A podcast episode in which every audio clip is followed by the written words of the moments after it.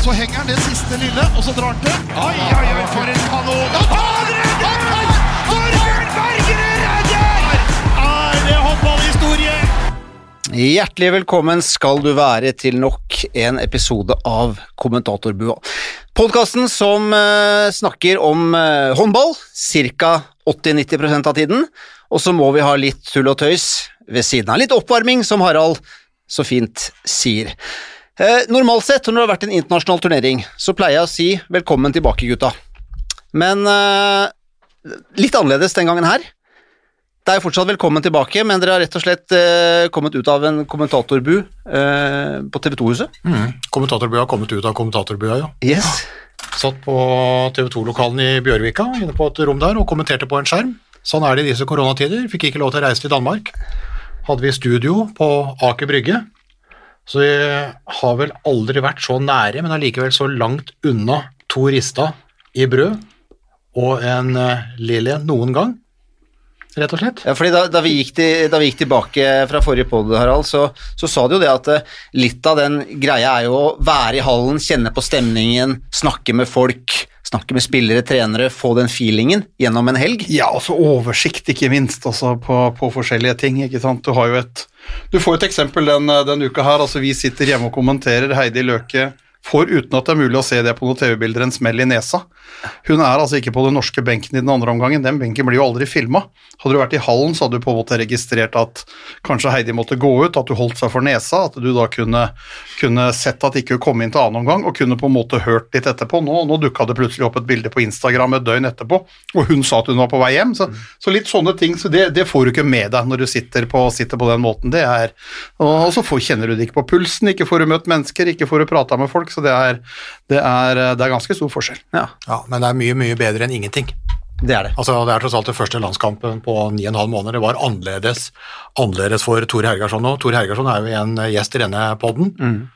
Sammen med Gro Hammerseng Edin, og jeg tror han, han, nevnte vel, jeg sa det vel kanskje forrige gang òg, at vi har brukt fire ganger så mye tid og tre ganger så mye penger på denne uka i Danmark som på hvilken som helst landslagsuke ellers. Det sier litt om de koronatiltakene og den koronatilpasninga. Eh, men samtidig da, så har jo han som landslagssjef vært uten kamp i ni måneder og 16 dager ja. før han gikk da til eh, torsdagens kamp mot, mot, Danmark, så han er jo veldig glad for å være tilbake, og det er jo det samme med oss òg. Det er veldig annerledes, men det er så utrolig mye bedre å ha noe enn å ikke ha noen ting. Enig, og vi skal, eh, så denne sendingen her blir eh, viet til eh, landslagshåndball. Mye, altså det er selvfølgelig Golden League, vi skal stemme av den, vi skal gå den litt nærmere i sømmene. Om litt, ca. åtte minutter, skal vi ringe Torir. Han skal uh, fortelle oss hans tanker. Uh, jeg er spent på deres analyser selvfølgelig av kampene etter hvert, og vi skal snakke med Gro Hammerseng, som du sa, Harald. Hammerseng Edin. Hammerseng Edin, unnskyld. Den bommer jeg på hver gang. Og så skal vi selvfølgelig snakke litt, uh, litt sånn prat om Champions League, hjemlig håndball, som vanlig. Og så har vi en siste spalte når alt er over. Det er selvfølgelig Bent, som har debutert i gullrekka, Familiens ære. Og den klarer vi ikke å gå gjennom nå på fem minutter, det må vi ha en egen spalte på. Så eh, de som gleder seg til å prate litt eh, om eh, Bens eskapader på fredagene, Stay tuned. Kommer til å bli en fast, ja. fast post. Fast post ja. Ja, jeg, altså. Gullrekka. Ja. og så kommer vel kanskje da en annen med pinne og kullgrill. Ja. Det kan jo også bli en, bli en avart av en fast post. Ja, det, pinne og kullgrill, altså det vi, sier seg selv. Ja, vi kan kalle, det er nesten så vi kan kalle den spalten pinne og kullgrill. Mm. Eh, altså, men vi skal, vi, skal, vi skal, analysere episoden, og vi skal dra ut de beste gullkorna. Ja. Men hadde jeg ikke, hadde jeg ikke visst, fordi opptakene ble jo tatt i, i sommer, ja. og Bent sitter jo i live her, ja. så hadde det ikke vært for at jeg visste at han overlevde. Hadde dette gått live, så hadde jeg vært helt sikker på at nå har vi mista en god venn, Faye. Ja. Det derre trappe, der trappeløpet, eller trappeløp på derre kassa, da tenker jeg nå, nå, mister vi, bare, nå mister vi en god venn. Bare en liten teaser, da, fra ja. sånn eh, som sitat og mot. Litt høye skuldre på Bent. Jeg tror Mia må gjøre det meste av jobben. Det var det ingen tvil om, og det, det skulle hun gjøre også. Sånn ja. altså, jeg, jeg, legger jo merke til at du på en måte går forbi mine fulle hus på skiskytterarenaen. Eh, hopper glatt over det, men det kommer helt sikkert tilbake det kommer til. Tilbake til. Har, skiskyting var lett. Ja. Nei, vi, vi, skal ikke røpe for mye, vi kommer tilbake til det. Men uh, dere får si fra når uh, Torir er, uh, er, klar, men det er vel om ca. fem minutter. Men sånn veldig kjapt, hva skal vi si om Norge, det sportslige? Um, Nei, jeg syns eh, Det er klart at eh, jeg syns Norge var bedre og faktisk også litt mer stabile enn vi kanskje kunne frykte. Eh, en lang periode fra hverandre, men eh, samtidig spillere som kjenner hverandre utrolig godt. Altså I den perioden så har også Nora Mørk vært ute med skade, Veronica Christiansen har vært ute. sånn at så, så, Og de har spilt sammen mange mange, mange landskamper, og de har spilt sammen siden de var på juniorlandslaget. Eh, Krydra da med flere av de andre jentene, så jeg syns de traff hverandre. Vi så toppnivå sannsynligvis de første 20 minuttene mot Danmark, hvor eh, veldig mange snakker om en Silje Solberg var altså Hun var fantastisk i mål, men det var også seks stykker som sto foran henne som til din glede, Faye. Jeg tror du også kunne plukka noe av det. For det at de, de, de styrte skudda ekstremt godt eh, defensivt, Norge, og så så du farta. Og hvis det er noe som på en måte jeg sånn er veldig glad for å se gjennom, gjennom den, den uka der, så syns jeg vi var veldig flinke til å utnytte bredden i banen øh, veldig godt. Gode kantspillere på, på, på, begge sider, øh, men først og fremst også Herrem Solberg Isaksen på venstrekanten. Verdensklasse. Så, og, og, vi hadde også mye gjennombrudd breit ut i banen, så, så det, det syns jeg var positivt og morsomt å se. Hva med deg, Harald? Nei, jeg, jeg syns det var øh, Den danmarkskampen altså, var jo faktisk Det var fryktelig hyggelig å se alle comebackene. Uh, noen har jo gjort uh, altså vi, vi, prater om 9,5 måned uten landskamper, uh, men for Nora Mørk så er det jo 16 måneder. For Veronica Christiansen så er det mye lenger enn det. for henne Ella Reistad så er det mye lenger enn det. For Marit Mal Frafjord så var det fire år. Mm. Ikke sant? Mm. for Amanda Kurti Altså, mange har vært altså fra 9,5 måned halvannet år, fire år. Mm. Uh, så, uh, så, det er jo det her vi har gleda oss litt til, fordi uh, dette er gulljenter som da har ramla utafor pallen i de to siste mesterskapene. En fjerdeplass med et veldig skadeskutt lag i VM nå i Japan i desember, og så en skuffende femteplass i EM i Frankrike før det, da de på en måte liksom slura i starten og ikke fant ut av det før, før etter hvert. og det å bare ha alle de her tilbake og se liksom på en måte, Apropos gullrekka. ikke sant, altså dette, dette, kan bli gull igjen. Se den beholdninga, da. Det var veldig deilig. Og så var det overraskende å se uh, Ja da, de har tatt EM- og VM-gull, flere av de her 90-91-modellene som junior og alt mulig og spilt sammen i mange år. Men det er mange måneder imellom, altså. Mm. Uh, Veronica Christiansen, Stine Brenner Oftedal, Nora Mørk og greiene at det, at det satt så bra så tidlig. For de hadde vel to, kanskje tre Eh, treninger før dette her smalt, det var veldig positivt. Eh, målvakt, også uten Lunde, eh, inn i forsvar der med Marit Mann Frafjord, Kari Bratseth Dale, den biten der. Det, det, var, det, var, vakkert og nydelig, altså det er sabla sterkt. Og så er det én ting, og det får vi høre litt med Torir etter hvert òg, som jeg tenkte når vi da kom til Montenegro-kampen, og da er mange ute, altså. Veldig mange støttespillere ute. Lunde har reist hjem, Løke har reist hjem, Våde, Aune, hele den turborekka uh, sitter på, på, benken. Men da får da de som da ikke skal dra det største lasset, men som skal være med å dra lass, da får de muligheten. Og da syns jeg det falt for mye. Mm. Og det gjør meg litt betenkt, fordi at eh, Norge med de beste, på sitt beste, er best i verden. Ferdig snakka. Men når du skal inn i mesterskap og spille så mange kamper, så er du avhengig av en bredde. Og Der syns jeg så når Frankrike spilte, jeg syns de hadde mer å variere med i forsvar. Jeg syns de hadde flere å variere. altså når eh, når det da gikk en lakrabær med 218 landskamper ut, og det kom inn eh, en 22-åring med, med, med, 15 landskamper, så syns jeg ikke det falt så mye som det gjorde hos oss. Så jeg syns jeg så på en måte at Kromos hadde flere ting i verktøykassa, mer å, å spille med og på. Det er det eneste liksom sånn minustegnet og spørsmålstegnet. Hvordan blir dette her? Ellers så var det veldig, veldig mye positivt. Ja, så blir det jo spennende på å se da når det, når det, drar seg til litt, når folk er inne. Det er klart at det er mange som tenker på et uttak som kommer. Dette her var den turneringa du i utgangspunktet kunne kvalifisere deg inn i. Kanskje det ble litt høye skuldre, kanskje det ble for mange bytter. Men jeg, jeg savna litt desperasjon, som Harald sier, hos en del av de som da fikk prøve seg i Montenegro-kampen. Torir Hergersson måtte ta timeout etter et kvarters tid hvor vi flaksa rundt defensivt og på en måte ikke var der og tok duellene på samme måte som de hadde gjort tidligere, eller som han ønsket. Og det er klart at det, det er en viktig del av det hele når du da får, eh, får muligheten. Men nå, nå ja. tillegger jo vi han mye Jo, Mye tanker, jo, jo, jo. nå ringer vi nå. Ja, ja, vi gjør det, men eh, jeg, jeg tenker på det da, altså, hvis du da ikke er sikker, altså i utgangspunktet så ble det tatt ut 21 spillere, Eh, og det skal skrelles ned til 16, så fem må ut. Og når du ser på den lista her, så kan vi lett ta ut en 13-14 spillere, eh, 13 kanskje, og så er det åtte spillere som kjemper om tre plasser. Og det er store navn, altså. Det er en Heg Arntzen, det er en Breistøl, det er en Bakkerud, det er en Tomats, det er en Kurtovic, en Skogran, en Sando Eh, altså dette, her er ikke, altså dette her er håndballnavn, altså. Og så tenker da, ja, du får da testa deg ut under litt andre forhold, ikke mer i beste, men når du får den sjansen, Ta den. du må ta den! Du må ta den med hud og hår og hele hjertet. Du kan ikke stå der på hæla og vagle og håpe på, hvis ikke samspillet sitter, da, sånn som den der turborekka som har spilt sammen siden de var i tenåra. Greit nok, alt det, men du må da ut og takle. Du må da ut og slåss, ikke sant? Blø for drakta. Og den galskapen, den savna jeg litt eh, der. Det ble bedre også i den Montenegro-kampen, men ah, det er liksom ankepunktet mitt. Det må smelle! Vi hører. Vi hører hva sjefen sier. Ja, god dag. Hei, Torer. Det er Bent fra Kommentatorbua. Har du kommet deg greit inn i karantenen?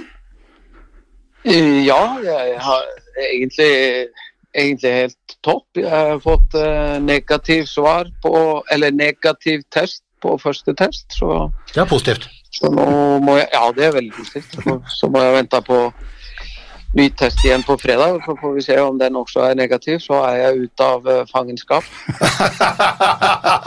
ja, men hvordan er det? Dette er Harald Bredli, også fra Kommentatorbua. Du har kanskje sett meg på TV? Jeg vet ikke, jeg har sett deg på Hele TV. Norges Harald Bredli, faktisk.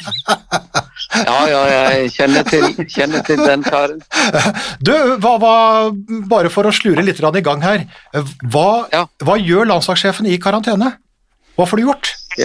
Fantastisk bra, egentlig. Nå sitter jeg bare sitter siden åtte i dag tidlig foran eh, TV-skjermen og sett kampen igjen. og Jobber med å, å gjøre etterarbeid og, og analysere og holdt på å finne ut av, sammen med Tonje og, og Mats, eh, og finne ut av hva vi tar med oss og hva trenger vi å, å jobbe ekstra på. Eh, hva kan vi ta med oss videre, og hva kan vi legge til side og eventuelt gjøre endringer på inn i neste aktivitet. Og så er det jo også fint i forhold til å kunne gi litt eh, tilbakemelding til spillere når man er i kontakt med de de neste ukene. Ja, Det har mer enn nok å gjøre i kommentatorprogrammet. Før vi går inn på de detaljene der, da, så blir det veldig interessant å høre med deg om, så lurer jeg på når du ser om igjen kampene eh, jeg spør, for en, Ja. spør for en venn. eh, Hører, Ja. du, hører du på kommentatorene da, eller skrur du av lyden? Nei, vi eg, vi har egne opptak, så Ja. vi slipper det. Du er heldig, du er heldig. Ja, det var, det, du, er heldig, du er en av de heldige, altså. Takk til Henning, takke Henning for det. Hørte han sa vi slipper. Ja. Vi slipper, sånn. Men, men det er faktisk sånn at eh, hvis man ikke vil høre på TV eller kommentatorer, så må, kan man jo bare skru ned lyden. Ja, det er helt riktig. Det er jo ikke verre enn det. Nei, det er veldig enkelt. Så, så det pleier ikke å være noe problem. Men, men eh, det, det som er at eh, vi filmer litt videre, så, så det betyr at eh, vi slipper alle disse re, eh, alle disse Reprisene. Ja. reprisene. Ja, for, for, for vi tar jo veldig mye av det som skjer i forkant av neste situasjon, så det er veldig vanskelig å jobbe faglig med TV-opptak. ja, Hva syns du som landslagssjef med alle de klippebildene som kommer inn fra tribunen i 4, 5, 6, 7, 8 sekunder for å vise at det er noen i hallen? Det er dumt, er det ikke det, når du skal analysere? Ja, og det, det, det er derfor vi, vi stoler på egne opptak. Eh, først og fremst fordi at eh, det tar bort mye av det som skjer imellom så neste situasjon. Og noen ganger så mister man helt spillet i forkant av neste mål, særlig når det går fort. Og nei, det, det er ikke noe i veien for å vise litt publikum og, og, og benk og litt sånn. Det er jo, det er jo viktig for eh, TV-seerne, og, og TV-opptakene er jo for publikum og ikke for fagfolk. ja. Nå satt, jo, nå satt jo ikke vi i hallen, da, fordi når du sitter der med monitor, så kan du jo på en måte se liksom det du ser når du skal analysere, pluss at vi får med TV-bildene, så da får du liksom det beste fra begge verdener. Nå blir jo vi sittende og se bare på TV-bildene nå, og det er jo et par ganger vi er i ferd med å få men, kom, kom, ja, men, ja, men, spillet! Gi nå blaffen i huet på 55 fra Tysted, liksom! Kom nå med spillet! Så, så det er Nei, det er ikke lett. Dette er jo akkurat som å trene et lag. Det, det kjenner jo Bent godt. eh, Men det er vanskelig å gjøre alle til lags. Ja. Men, eh, men, det men, men sånn i utgangspunktet, eh, når en da har den første samlinga altså Mange av jentene har jo vært, har jo vært i, i, spill, og du har jo sett på det, men det er jo første gangen du får trent igjen. Er, litt, er du nesten da som en sånn kalv som blir sluppet ut på beite? Eller sånn uh, rett fra fjøset på vinteren og så ut på, på vårbeite? Ja, ja så må være ydmyk og erkjenne at uh, vi som er landslagstrenere og ikke i utgangspunktet får lov å trene lag mens vi er landslagstrenere, så, så, så, savner man jo den biten. Men jeg har prøvd å man prøver jo å gjøre en del tiltak for å på en måte kompensere litt. Det, jo, det går an å jobbe med del av det. Jeg, jeg, jeg, tror ikke jeg har sett så mange kamper i august måned som jeg gjorde nå. Um, fikk tak i alt som var av treningskamper. og og da pleier jeg å øve litt sånn at jeg setter meg ned og så, så tenker jeg at jeg er lagleder for det ene laget. Og så, så tenker jeg liksom hva ville jeg gjort nå osv. Særlig med lag som jeg kjenner godt til. Eh, lag som har en del spillere fra oss, så, så, øver man jo litt mentalt på det. Men det, det blir en slags simulatorøvelse. Men, eh, men, det blir jo aldri samme som å være der i praksis eh, på stedet i en livekamp. Men jeg syns man, man, har fått øvd seg i det, så jeg føler jeg tar meg raskere inn i det nå enn jeg gjorde før. Eh, men jeg, har stor, jeg er ydmyk i forhold til det der. og så, så er det jo godt å få med Tonje nå, som har vært i ilden nå ganske jevnt og tett de siste sesongene. Så, så, det er jo et bidrag inn i en pluss som, som støtter meg eh, i startfasen, i hvert fall. Eh, helt klart.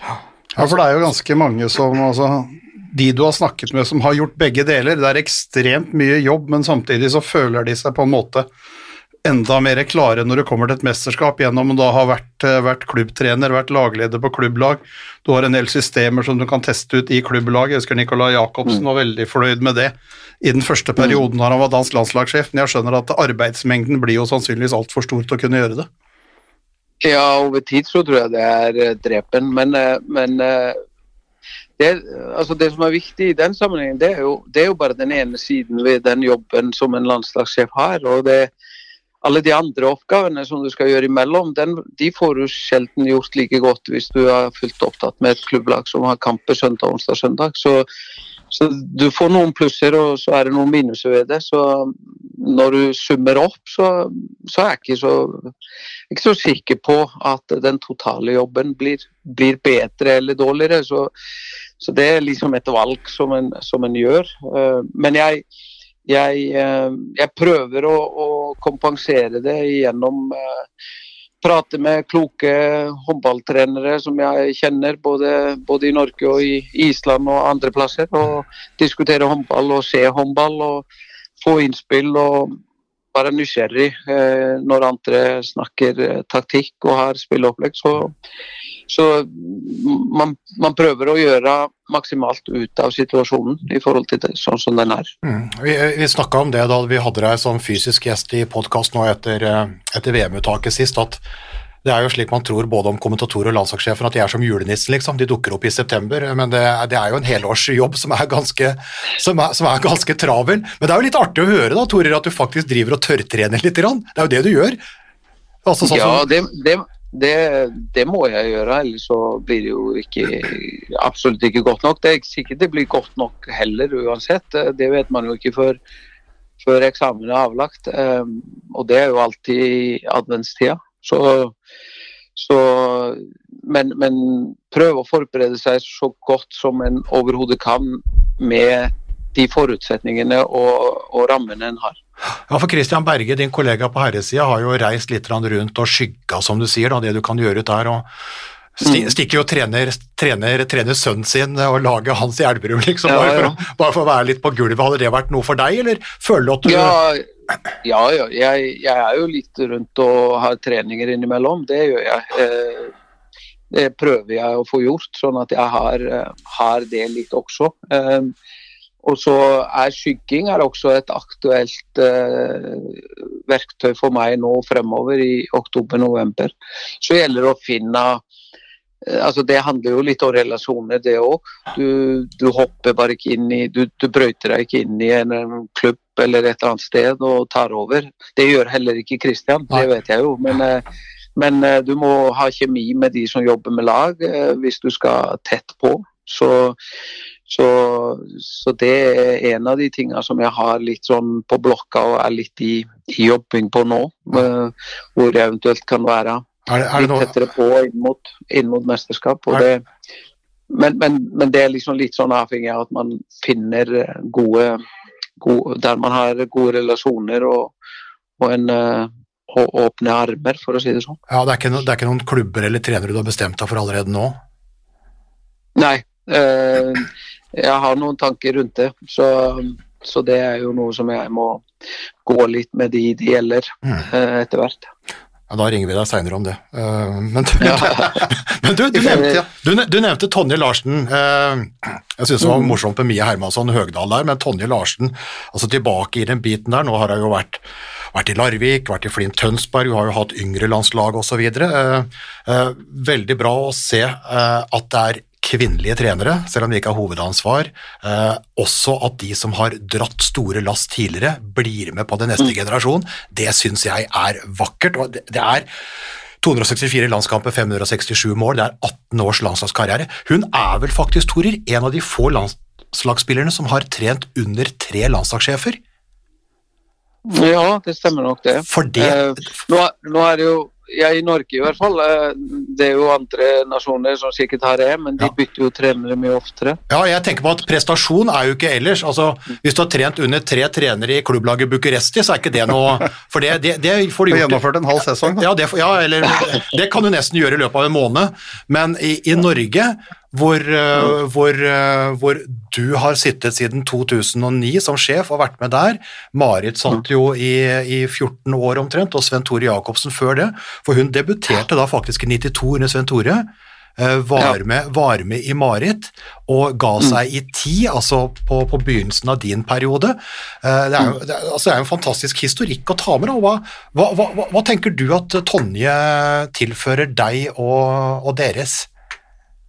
Ja, det, det er jo sånn eh, all, eh, Før jeg går inn på det, så vil jeg bare understreke altså vi, vi jobber ganske systematisk med å fange inn disse jentene som uh, har vært i landslagsløpet og har trenermotivasjon uh, og ambisjoner. Og nå så har vi jo på jentesida ganske mange nå. Uh, som, som er inne på yngre landslag eller på jentesida. Eh, vi har jo Linné Rantala, selv om hun eh, dansk, var dansk landslagsspiller, så har hun spilt lenge i Norge. Hun Ja. er jo inne med Mats og tar hånd om målvaktsbiten og skal sørge for at uh, vi får god eh, rød tråd i det arbeidet nedover. Og så har vi jo Kristine Lunde Borgersen på 04 sammen med en annen dansk landslagsspiller tidligere, Gitte Madsen.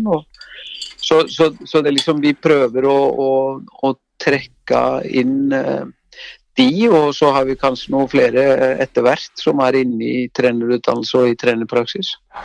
Og det var naturlig å, for, for oss å snakke med Tonje når vi gjorde den endringen, for hun representerer da det du sa, kontinuitet, ikke minst. Hun har vært, i, vært en spiller og vært i dette miljøet over tid med forskjellige trenere i forskjellige tidsaldre. Det er epoker, da. ja, ja. Og, og, og har da det jeg ikke har. Jeg har eh, ikke vært landslagsspiller og ikke spilt på verken landslag eller i mesterskap. og det, det er en dimensjon som er viktig. Det har jo også Mats Olsson i bøtter og spann. Men det er nyttig for meg, og så er hun, så er hun eh, Hun har- blikk for detaljer, Tonje. eh, Både når det gjelder angrep og når det gjelder forsvarsspill. Hun har blitt har fått øvd seg på å være i den trenerrollen, og det er ofte en stor overgang for spillere som slutter. Når de blir trenere, så er det ofte altfor mye spillere uh, før de skjønner at uh, nå har de en annen rolle. Og det har hun fått øve seg i nå før hun kommer inn hos oss, og jeg syns hun tar seg veldig fint inn i det. Eh, så har hun et eh, hun har jo masse humor, og det er viktig hvis, hvis du skal holde ut med Torir Hergersson, så må du ha, må du ha eh, humor og, og holdt jeg på å si tåle litt av hvert. Ja, men, eh, men har, har, ikke dere, har ikke dere litt den samme tørre, fine humoren, da? Ja, det kommer an på hvem du spør. Men, men eh, ja, ja. Eh, Det skal jeg ikke si. Jeg syns Tonje har glimt i øyet og er, eh, er en uh, Altså eh, er en eh, humoristisk eh, type som eh, også har et eh, rolig vesen eh, som, som kan være bra å balansere med, med meg. Ja, jeg oppfatter, at, jeg oppfatter at, dere har, eh, at dere har god humor begge to, men det er ikke alltid man finner ut det i løpet av eh, et minutts intervju etter en hektisk kamp. Nei, det, er vel neppe der kanskje det kommer fram. Nei da, vi har jo våre sider. Eh, skal du få styrkene til mennesker, så må du også på kjøpet akseptere noen svakheter. Og det er sånn med meg og de andre i teamet vårt. Vi er ikke noe annerledes enn andre på det. Men vi er jo, vi er jo veldig nysgjerrige da, når du sitter nå og analyserer, og det er jo stort arbeid som skal altså plusser og minuser med den samlinga, og så skal vi høre litt sånn hva du syns om det, og tenke på litt, sånn- litt sånn, kanskje først da, eh, ting, ting du fikk svar på, altså ting du liksom, oi, ja, det er jo fint. Ja, jeg fikk jo, fikk jo svar på eh, Holdt jeg på å si at eh, vi, vi var eh, ganske så sikre på at eh, når vi først fikk lov til å møtes, så var det stor entusiasme og pågangsmot og interesse for å komme i gang med, med trening og håndball og kamper og spill og alt det der. Og det, det var det jo. Eh, dette betyr mye for, for spillerne, så det har jeg sett fram til det lenge. Så det var eh, Og vi fikk bekreftelse på at landslaget er viktig for uh, toppspillerne. Det er ingen tvil om det. Det betyr enormt mye å få representere Norge. Um, og at de, de har savnet det den perioden som siden i desember i fjor. Um, og det er jo et, et godt svar å få. Um, I disse tider hvor det rives og slites og, og kjempes om uh, å få låne spillerne og ha spillerne, og det er mye som skal inn i kalenderen. Så, så er det godt å kjenne at, uh, at landslagshåndball er fortsatt veldig viktig for de norske spillerne. Og det, det er jo egentlig kanskje helt fundamentalt viktig. Um, og så, så jobbet vi Vi hadde jo tre treninger før vi fikk første kampen. Um, det var det vi rakk. Og, og vi hadde vel vektlegging to tredjedeler forsvarsfokus og en tredjedel angrep. Um, og det som jeg syns at vi fikk se noen konturer eh, med visse konstellasjoner på at vi kan bygge et sterkt eh, forsvarsspill inn mot EM. Hvis vi har alle de, de vi ønsker eh, tilgjengelig og frisk.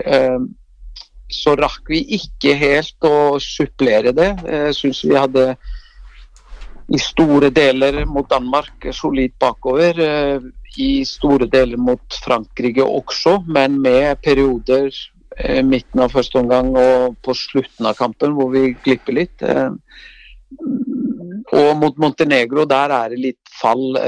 Det er noe av ulike grunner. Eh, Jeg skal ikke trekke noen store konklusjoner ennå, men sånn umiddelbart så kjenner en at det har jo litt med å gjøre at vi, vi møter et lag som, som eh, vil helst eh, dra ned tempo og spille lange angrep og bruke god tid. De er taktisk gode. eh, Og vi bytter en del på spillere og får inn noen nye konstellasjoner som vi faktisk ikke fikk særlig tid til å trene sammen før vi kom i kamp. Um, og intensitetsnivået sank i siste kamp av tre, tre av uh, tre tredje kamp på fire dager. Og det er heller ikke kanskje u, ulogisk eller unormalt eh, på et så tidlig stadium etter så langt opphold som lag. Ja, for, Så, ja. så litt forskjellig eh, var det. Men eh, sånn over det hele syns jeg vi kom godt i gang på forsvarsbygginga. Og det blir eh, helt avgjørende. Skal vi, skal vi ha håp om å realisere drømmen om å stå øverst når det er ferdig i, i, i desember. Ja, vi pratet også litt rann, eh, før vi ringte deg opp om, eh, om, om, gleden over å se eh, så mange tilbake, altså folk som har vært ute i ikke ni og en men 16 måneder og fire år. Eh, fantastisk å se på en måte de tilbake da, og, og hva det gir laget. altså Veldig mye positivt. Overraskende mye bra spill, både forover og bakover i, i, i perioder. Eh, når en har hatt så, så, lite tid sammen. Men det, det vi stussa spesielt på Montenegro, da, for der er det jo en del eh, som skal dra de tyngste lasset, kanskje, som var ute. Eh, og så er du helt avhengig av de andre hvis lasset totalt skal bli dratt i mål. Og der tenkte jeg fader ulland, det, det, det, spilte ikke, er det. Men, men, du sier kanskje har det noe med motstand å gjøre, kanskje er det fordi at jeg ikke er drilla nok. Eller er det da fordi at de nest beste ikke er gode nok? Det er det som er min, min frykt. da. Eller har dette her faktisk bare en sånn sammenheng med, med andre faktorer? Nei, jeg har ikke noe eh, Jeg kan ikke gi deg noe fasitsvar på det. Men, eh, og det svaret får vi heller ikke før vi går opp til eksamen og ferdig med det. Da, da ser vi hvor sterke vi er som lag, og da, da mener jeg eh, de antatt eh, mest sentrale og de som skal så inn og, og, og, på en måte supplere de. Og ikke minst, de skal ikke bare supplere, men de må òg kunne dra last når det trengs. Jeg, jeg syns jo i kampen mot Montenegro så gjør jo flere av de det, men kanskje litt ujevnt. I, det, det, svinger kanskje i overkant mye fra riktig, riktig gode prestasjoner både fremover og bakover, for så å være ganske langt unna i, i andre perioder. Så, så, jeg tror nok det, det, er noe mer på stabilitet.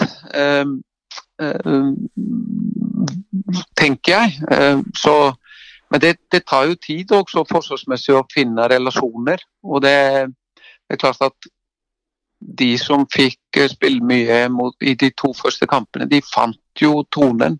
Mm. Og vi vet også at de holder høyt nivå når de er på sitt beste.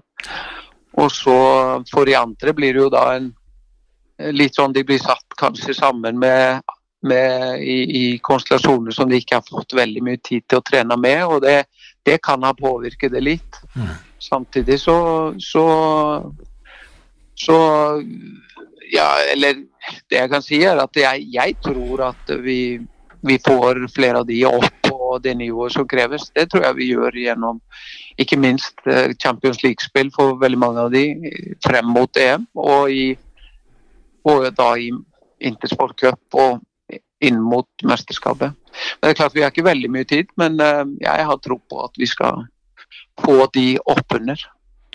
Helt klart. Du reiser til Golden League med 21 spilleretorer. Kan én sammenheng være altså det er vi, satt, vi, vi, elsker jo på en måte å ta ut troppen før sesongen har begynt, omtrent. ikke sant? Så, så altså det er, men Når vi sitter og ser over her, en 12-13 spillere som garantert vil være der, og så er det da igjen 7-8-9 spillere som på en måte kanskje føler litt usikkerhet inn mot et uttak, kan det også dra med seg inn når du da får muligheten i en sånn kamp? For jeg savna litt sånn som Harald, den intensiteten eller den litt desperasjonen at nå får jeg muligheten, men det kan også bikke over at du binder deg så mye at nå må jeg, liksom, og så, og så slipper du deg ikke løs.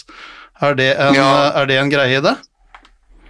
Uh, nå har jeg ikke fått snakket så grundig med Vi måtte jo avrunde samlinga ganske kjapt etter siste kamp. Uh, for vi skulle få folk hjem i tide. Uh, så veldig mange reiste tidlig hjem for å være på plass i klubb igjen mandag. og og kunne ha negativ covid-test senest eh, mandag for å kunne være i full fart tirsdag. Så, så vi fikk ikke noen god, god sånn tid til å prate litt med de spillerne som spilte siste kampen, så det gjør vi jo nå litt uh, utover. Um, da får man kanskje litt mer svar på den enkeltes opplevelse.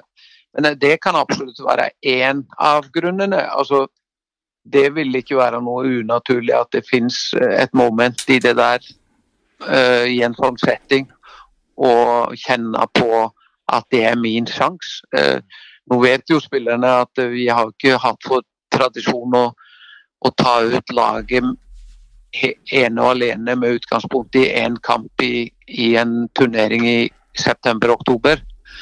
Eh, vi har jo tatt med spillere i troppen som ikke har vært med til og med i den samlingen flere ganger. Eh, så, så, de vet jo innerst inne at de blir, det, er ikke, det ikke være eller ikke være. Så, så, så, på den måten kunne man si at de hadde ikke noe å frykte, eh, sånn sett. Men jeg tror nok det, de har så lyst til å vise hva de er gode for, og de har veldig lyst til å få det til. Eh, det er ingen som er her som spiller under sitt nivå med vilje. Det, det er jeg rimelig sikker på. Så det, det, kan være kombinasjon av flere ting, og en av faktorene kan være det du sier, Bent. Det, det er helt klart. Ja, det er mange faktorer. At det kan spille inn. Ja, mange faktorer der. Jeg skal ikke glemme at det var, eh, var, eh, var veldig mye bra der, selvfølgelig. Men, men nå... Ja, men vi, vi, vi, vi vinner jo 34-28, og så kan du si at uh, det med noen sånne små grep eller knep, så, så kunne vi fort vært ned på et par og tjue innslupne. Og med keepere som, som var, var, opp mot sitt beste, så kunne det gått under 20 mål imot. Så det jeg liksom Jeg føler, jeg føler at, eh, at, det trenger ikke å være så langt unna for flere av de. Eh, men, men det er klart at det er lavere intensitet i alt vi gjør forsvarsmessig i siste kampen. Så det er ingen tvil om det. Og det, det er den viktigste forklaringen. Men inn mot det som kommer, jeg tenker på uttak og sånn, vil du ta ut EM-troppen nå, eller vil du vente og høre på podkasten til kommentatorbua, der vi også drar inn Gro Hammerseng din og tar ut, eller vil du ta det ut i fred og ro sjøl, og så komme tilbake som gjest når du har tatt det ut? Det er én, to og tre, da, egentlig. Ja, det, det, må jo bli den siste, vel. Du går for, du går for en feige treer, du feiger ut igjen og går for treeren? Altså, jeg, nei, altså, jeg kan jo ikke Jeg kan jo ikke bruke for mye energi på det. Dere pleier å få rett i ganske, mange plasser. Eh, men eh, det som er, det som er eh, fordelen dere har, er jo at dere trenger ikke å bry dere om alle de dere ikke tar med. Nei. Og det er den store forskjellen. Um, så, og dere trenger heller ikke å stå ansvarlig for resultatet i mesterskapet. og det det er jo kanskje det, det, vil jeg si er ganske gigantisk forskjell. Ja, så, ja, ja, det er mer, det er mer enn gigantisk, faktisk. Ja, jeg ser det. Og, så er det da i et uttak så er det veldig mye som du vet, som ikke vi vet, naturlig nok, fordi du er så ekstremt mye tettere på det. Det, det håper jeg. For, eh, det håper jeg òg. Det håper jeg inderlig, for at uh, om, uh, om dere hadde visst alt jeg vet, så så hadde det vært lekkasjer mange plasser som det ikke skal være. Ja, ja, ja hadde hatt gode saker, da. Men, men jeg tenker på uh, uh, Vi har jo tippa brukbart en del ganger, som du sier, da, men noen ganger så har det jo vært nesten som sånn en tryllekunstner som har dratt noen kaniner opp av hatten, som har gitt oss hakeslepp. Uh, nå tenker jeg det, det, har vært, det, det, har vært, spesielle tider. Det er, det, er, kort tid, og jeg tenker på I utgangspunktet tok du med 21 spillere til Golden League i Danmark, og det skal ned til 16. Eh, er tiden for kaniner opp av hatten over? Kan, altså er det nesten slik at ja, de 16 de havner ut ifra de 21, mest sannsynlig? liksom? Det er der, det er der vi jobber? Ja, jeg vil, vil, si at jeg ville utvida det til 2-3-24. Eh, ja. Litt avhengig av hvordan uh, oktober Hvordan ting ser ut med med noen av de som var sånn tett på i den NO20-vurderinga. Og selvsagt vil jo tilstanden på de NO20 være med å, å bestemme en del også. Og, det er jo det er jo sånn som det alltid er. Det er ikke alle som er friske per dato.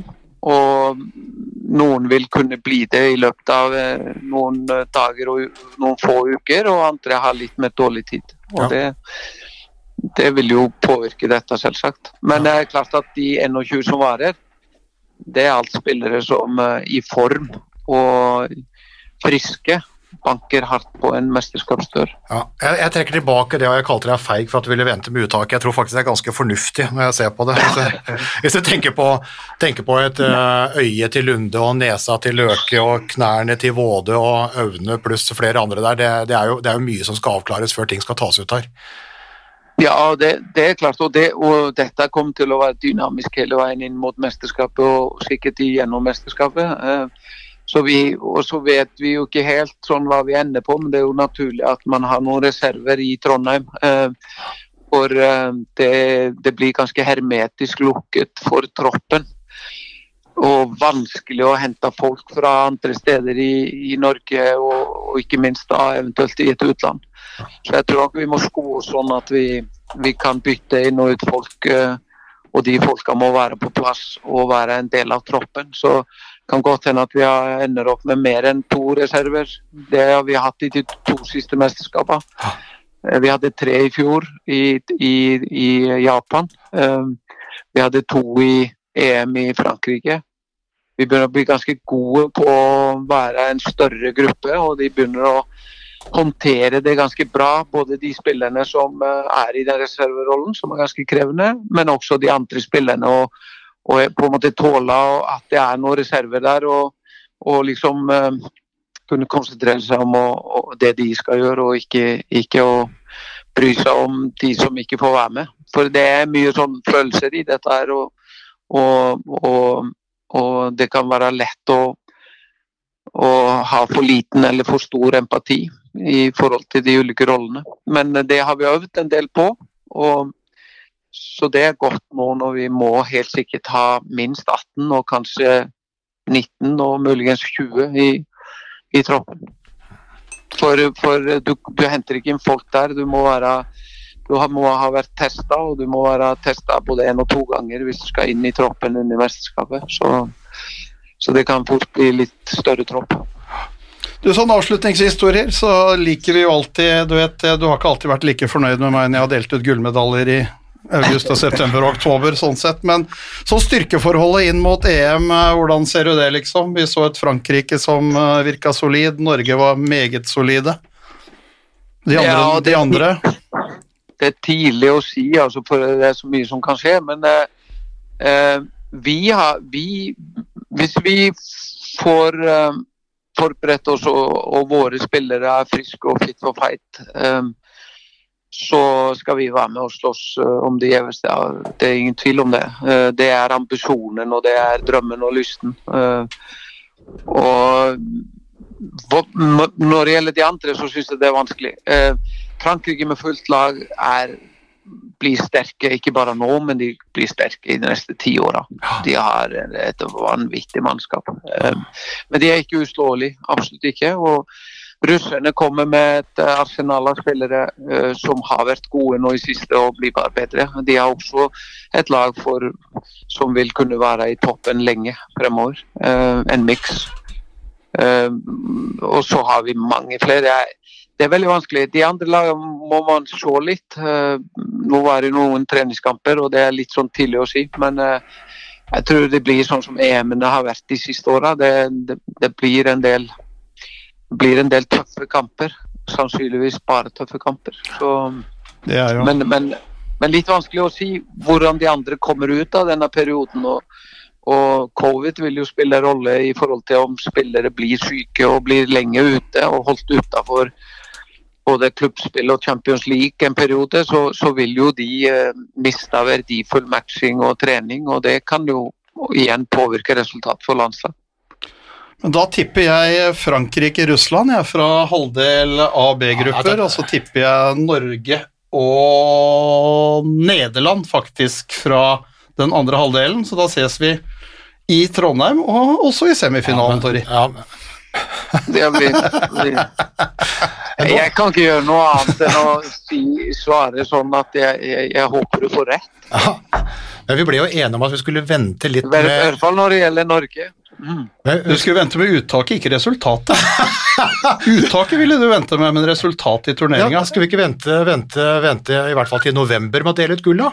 Jeg har ikke delt ut gull, jeg har sagt at de er i semifinalen. Da Ja. kan de spille om gull. Ja, å, Og det er ja, ja, ja, målsettinga. ja, unnskyld, unnskyld. Ja, men Det, eh, det, vi kan, det vi kan være enige om, det er at eh, det vil være veldig sånn rart hvis ikke Norge med, med de ambisjonene som norsk håndball har på vegne av sine landslag, eh, ikke hadde ambisjoner om å være med og spille om, spille om medaljer. Så det kan jeg støtte dere i, eh, helt klart. Og så må vi se hvilket lag vi stiller når vi kommer til start. Og, og hvilken form vi og, og motstanderne er i. Og, og så blir det det beste laget som står på toppen. Det er det alltid. Ja, men sånn som det ser ut akkurat nå, da, i hvert fall med sånn skadesituasjon, så er det i hvert fall uh, en veldig, veldig pluss siden, uh, siden VM for, eh, for et snaut år siden, og da ble det tross alt en semifinale, så det er jo i hvert fall lov å ha ambisjoner og, og håpe. Så får vi se. Ja, ja, når det gjelder VM sist, så, så vil jeg bare si at uh, selv om jeg er uh, altså inhabil, så vil jeg jo si at uh, det er jo et av våre sterkere mesterskap. Vi er enige. Det er vi helt enige om. Vi er Det var en fantastisk prestasjon i Japan. Semi, semifinale med Selv så om, mange selv om vi ikke holdt helt ut distansen, vi sprakk litt på oppløpssida, men, eh, men jeg tror den erfaringen for mange av de spillerne som var med da og måtte dra lass, den tror jeg vi får igjen for nå inn mot og inn i et EM. Så, Ja. så det, det er bra. Ja. Men, men det var veldig hyggelig at du tok deg tid til å dele noen eh, tanker etter, eh, etter Golden League, Tore Hergardsson. Og så har vi da en avtale om at vi venter litt grann med EM-uttaket til du får tenkt og analysert litt grann til i karantene. Ja, ja, og så- det- og så har du stående invitasjon da, når eh, EM-uttaket er gjort, å komme inn da og, og utdype. Ja, ja, jeg kommer gjerne. Det var veldig hyggelig. Det var god kaffe òg. Ja, ja, ja, ja men da, da setter vi på. Da set, vi setter over kjelen allerede nå. Harald vi. kjøpe kaker i tillegg i år? Ja, det hadde vært fint Ja. hvis det var litt bakkels. Ja, vi bare nødt til å ha bakkels. Vi tar, vi tar kaka før mesterskapet i år. Vi skal oppgradere litt. Ja. Det er bra. Tilbake til, tilbake til analysearbeidet, og vi fortsetter å preke tull. Jo, takk for praten. Takk selv, takk selv. Jo, ha det bra. Ha det. Det skal jo Torir ha for at han gir eh, gode og utfyllende svar. Ja, ja, det er Altså, ikke altså han, eh, det kunne vært verre, holdt jeg på å si. Han, eh, han liker å prate. Ja, han sier ikke ja og nei, han har jo gode tanker. Og så er det jo, når vi pirker litt borti på en måte noe her, han kan jo ikke si at ja, jeg er jo helt enig at den og den ikke holder mål, så det kan altså, Han kan jo ikke holde på, det er jo ikke sånn. Han han er jo Det er jo en årsak til at han uh, var hjelperytteren til Marit uh, Breivik i alle disse årene nå har hatt en fantastisk suksess siden 2009 sjøl. Han jobber jo døgnet rundt, og han jobber jo veldig godt.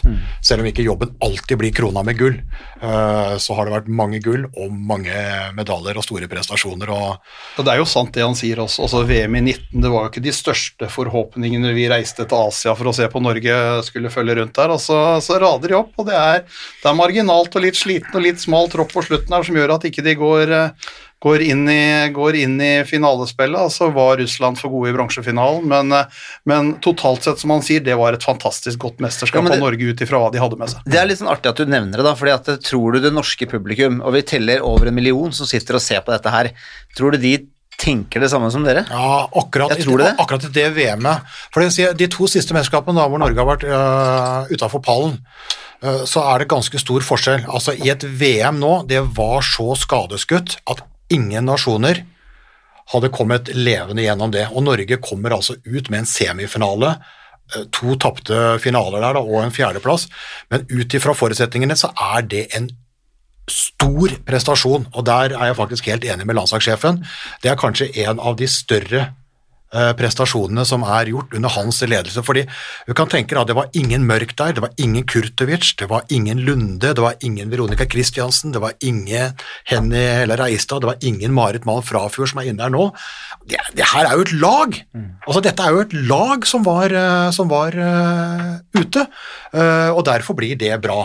Det som da er litt med litt sånn arbeidsuhell, er jo da det EM-et før. Fordi uh, ja, Nora Mørk var ute. Eh, og det var, som er en uh, verdensener i sin posisjon, og det var litt mer enn det. Eh, og så fikk de jo da skade på Amanda Kurtovic i oppkjøringa ei uke før, og Stine Bredal Oftedal var skada, kunne ikke spille oppkjøringsturneringa. Og så kommer, eh, kommer inn der. Og her sleit de litt med å finne brikkene i puslespillet som passa. De tapte altså to av tre kamper i gruppespillet, spilte fantastisk i hovedrunden, spilte ut absolutt alt, eh, men tapte på målstreken fordi at de sleit i to-tre kamper. Fant sine, De fant ikke rollene før det var akkurat for seint. og da ble det en, en femteplass i stedet for en, eh, en, en medalje, eller det som kunne vært, kunne, vært, kunne vært mer. Så det er et litt annet mesterskap. Da, da, da fomla de, fant ut av det, men for seint. I VM, for mange skader. Eh, det å komme til semifinale med så mange skader er en strålende prestasjon. Og så er jeg spent nå, fordi at jeg syns eh, Nå har vi sittet og pratet såpass lenge at jeg husker nesten ikke om vi nevnte det, men, men sånn som han sier, han, han peker ut Frankrike, og du ser lite grann på den, eh, på den gjengen der, altså en, en del av de eh, veteranene, og noen av de som, de som kommer inn der. Det fylles bare på, det fylles på, Ja, det fylles vi- på, ikke sant. Vi har, vi har nå den derre 90-91-generasjonen som er det mest fantastiske som håndballjentene har hatt noen gang. Eh, fordi der har vi Silje Solberg, eh, vi har Veronica Christiansen, eh, vi har Stine Bredal Oftedal, vi har Kari Bratseth Dale, vi har Amanda Kurtovic, vi har Sanna Solberg? Nora Mørk. Altså, det er en helt fantastisk, eh, en helt fantastisk eh, generasjon. Der ligger jo faktisk Martha Thomas og sånn nå. Eh, eh, men de er, de, er jo, de er jo 30 nå, ikke sant? Og hvis du ser på Frankrike, da, på ganske mange her, så er det mye tidlig i, i 20-årene, altså.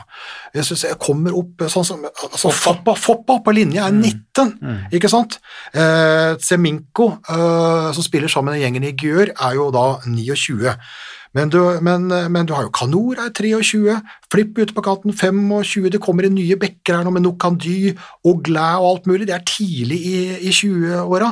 Niakate er 25, Koyate kommer inn, 25, Sadi 27, ikke sant, og sånn kunne bare fortsatt, uh, fortsatt her, og de som har vært med griselenge, Alison Pinot eksempel, hun er jo like gammel som de andre, så de har både nåtid og ei sterk framtid. Og når jeg ser på en måte de ulike forsvarsvariantene til Frankrike, og når de bytter ut startoppstillinga med de andre, så syns jeg de faller mindre enn Norge. Jeg syns de virker, virker, Det virker veldig, veldig virker, solid, virker, virker solid. Så jeg skjønner, jeg skjønner akkurat hva han sier om at de er gode nå, og de kommer til å bli gode i mange mange år. og Det er liksom det store laget å slå, da, selv om de floppa i VM nå etter, etter, etter to gull. Det er ikke umulig å slå, men du skal være god for å slå Frankrike. Og så altså. var det sikkert en liten oppvask etter den floppingen. Eh, og desto større sjanse for at de blir sterkere i år, Ja, selvfølgelig. naturlig. Norge har jo aldri hatt den reaksjonen. altså Når vi har floppa, så har vi jo på en måte havna på en eh, femte, sjette, sjuendeplass, liksom. De få gangene. Ellers har vi jo vært på, vært på podet. Så vi har liksom ikke gått fra gull til 13. Altså, det har ikke vært fra gull til Granbar. Det har vært mer stabil enn det, men det, er jo ikke noen unaturlig eh, reaksjon heller. Eh, og et par nøkkelspillere ute og sånn, så nei, det, det, det, blir spennende å se, altså. Men det er jo hyggelig at vi har en, eh, har en podkastavtale med landslagssjefen. Ja, det er helt Og at vi kan fortsette å, fortsette å jobbe Hamre med Hamre å løs på han eh, når vi eh, fortsette, fortsette, Ja, ja. Å ta ut, fortsette å ta ut Nå får jeg, får jeg en tekstmelding fra landslagskaptein. Eh, Jeg skulle til å si Gro, men det er mange, det er mange år siden. Nei, det er hun du landslagskaptein hele livet. ja, ja. Er, det er sånn som Vi det hadde egentlig en avtale med henne rett før fire, etter at Torir var ferdig. Ja, nå, hun? så hun lurer på om hun skal begynne med middagen, eller om vi skal ringe opp. Ja, Nei, vi ringer opp. Ta kjapp, ta, kjapp fra. Ja, For for det er, det er sånn, Nå er det presidentvalg i USA hvert øyeblikk, ikke sant? Og det er sånn, altså Når Clinton gikk av, når Obama går, så er de fortsatt presidenter. Ja. Uh, Og sånn er det med enkelte Sånn er landslagskapteiner òg. Ja. ja. Hallo. Hei, der har vi landslagskaptein. Hei. Den evige tid. ja Bent, Bent omtaler deg som landslagskaptein, eh, Gro. Jeg har alltid Jeg gjort det. Fortsatt. Jeg syns det er veldig hyggelig, men jeg tror det er et irritasjonsmoment for noen. Og, og, vi, og vi nevner i fleng. Den evige tid. Nei, men vi- Neida. Stine Bredal Oftad er en fantastisk landslagskaptein, har også drakt nummer ti, så hun viderefører da etter, etter landsmoderen. Ja, men eh, vi gjør jo sånn som jeg prøvde å forklare, å forklare det her, Faye, sånn som de gjør i USA. Når en president går av, så kommer det en ny president inn, men du tiltales fortsatt som Mr. President. Hvem var egentlig Hvem var det du tok over for, Gro? I din tid? Eh, vet du hva, det var Else Marte Sørli som eh, var kaptein da. Mm. Ja. Det, det var tider, ja. Ja, det var bra det, og det har vært, det har vært mange sterke der. inne, Mange altså. sterke der. Mange, mange sterke. Det har vært bra. Mm. Vi har hatt en lang prat med landslagssjefen. Ja, jeg skjønte jo det. Jeg har jo sittet klar en stund, men Ja. jeg skjønner jo at det at det er spennende å prate med sjefen. Ja, men han har mye på hjertet, vet du, og sitter i karantene, så vi måtte ta oss av ham litt. Grann. Eh, han, sitter jo Ja, da, og bru- han sitter og bruker karantenetida til å, til å analysere, da, og kommer seg jo gjennom, så vi har jo i og for seg en avtale om at uh, Altså, EM-troppen ble ikke tatt ut i, i, i dag, da. Vi venter lite grann. Ja. Vi har ikke delt ut noe gull heller, men eh, vi har gått gjennom litt sånn plusser og minuser og, og det er noen svar og noen spørsmål, da. Så, så hvordan, eh, hvordan tenker du, hvordan oppsummerer du det? Eh, Jeg sitter jo igjen med en følelse av at det her var kjempepositivt. Veldig mye de fikk ut av de tre kampene. Det, det som er veldig ålreit, er jo å vinne tre av tre. For det, selv om ikke de er så opptatt av resultatet, så husker jeg jo veldig godt som spiller at eh, selvtillit det er ferskvare. Og man får mer selvtillit av å vinne håndballkamper. Eh, Så det var veldig positivt. De skårer mange mål i alle kampene. Eh, De sentrale spillerne de får en god del tid og gode opplevelser sammen. Og så så vi jo periodevis, spesielt i den første kampen mot Danmark, at eh, det forsvaret, når det er på, på sitt beste, så er jo det akkurat sånn som vi ønsker å se det. Så det var svært gledelig å se Marit Malm Frafjord tilbake der som en eh, forsvarssjef. og det tror jeg kommer til å bli en nøkkel. Og så sitter jeg igjen med en følelse av at det er en del av de som eh, kanskje ikke er i en sånn klassisk førsteoppstilling, som, som ikke fikk eh, den tida som de kanskje hadde håpa. Noen fikk kanskje ikke utnytta tida sånn som de hadde håpa, men eh, jeg syns at alt i alt så var det veldig mye bra å ta med seg der. Så jeg syns jo at Nora Mørk løste sitt comeback eh, veldig, veldig bra. Det var utrolig fint å se Veronica Christiansen i, i den kampen hvor hun banker inn ni, da, etter å ha slitt litt i, i åpningskampen. Så Henny eller, eller Reiste var jo fantastisk, eh, syns jeg. Så jeg vil si det var mye mer positivt enn det var eh, spørsmålstegn jeg satt igjen med. Men eh, nå er jo jobben vår å være litt kritisk. Altså det, stabilitet i forsvarsarbeidet er vel kanskje det første jeg vil peke på. Ja, men, men der var han jo faktisk inne på noe også. Han sa at da på de tre treningene de hadde før første kamp, eh, to tredeler ble brukt i forsvar, en tredel angrep. Han sa jo at eh, de, han ser konturene av et sterkt forsvar, og tenker da midten med Malen Frafjord og, og Bratseth Dale osv. Og så sier han også da vi rakk ikke å supplere godt nok. Altså Han rakk ikke å kjøre inn alle alternativer. Eh, Og så diskuterte vi ganske mye om faktorer på hvorfor da en del av da, eh, Kall det hva du vil, men innslagsspilleren da ikke lykkes helt. Der, der eh, blir det for mye å, å rekapitulere alt, da, men der var det kanskje fire-fem ulike faktorer som gjorde at, at, at det ikke, ikke satt. da, men, men det er jo litt Ja, altså, han, var jo opptatt, han var jo opptatt av at de, de konstellasjonene hadde fått stått lite sammen på trening fordi han måtte prioritere de andre. Eh, vi, vi spilte inn en faktor rundt, rundt 21 spillere, snart et uttak, usikre på roller eller om de kommer med, om de ville for mye, hvordan, hvordan det var. Eh, men, men, eh, men uansett så er vi jo alle enige om, og det er også han enig i, at intensiteten falt så mye, og intensitet trenger ikke å falle for det om ikke du har trent sammen. Intensitet trenger ikke å falle fordi om du er usikker på om du kommer med, da må du, da må du ta deg hempa på det. Og du kan gå deg bort i avtaler med, mellom den spilleren eller hva de i midten gjør og sånne ting. Det er én greie, men jeg syns intensitetsfallet var urovekkende høyt uh, i kampen mot, uh, mot Montenegro, spesielt de første 15-20 minuttene. Ja, og jeg er enig i det.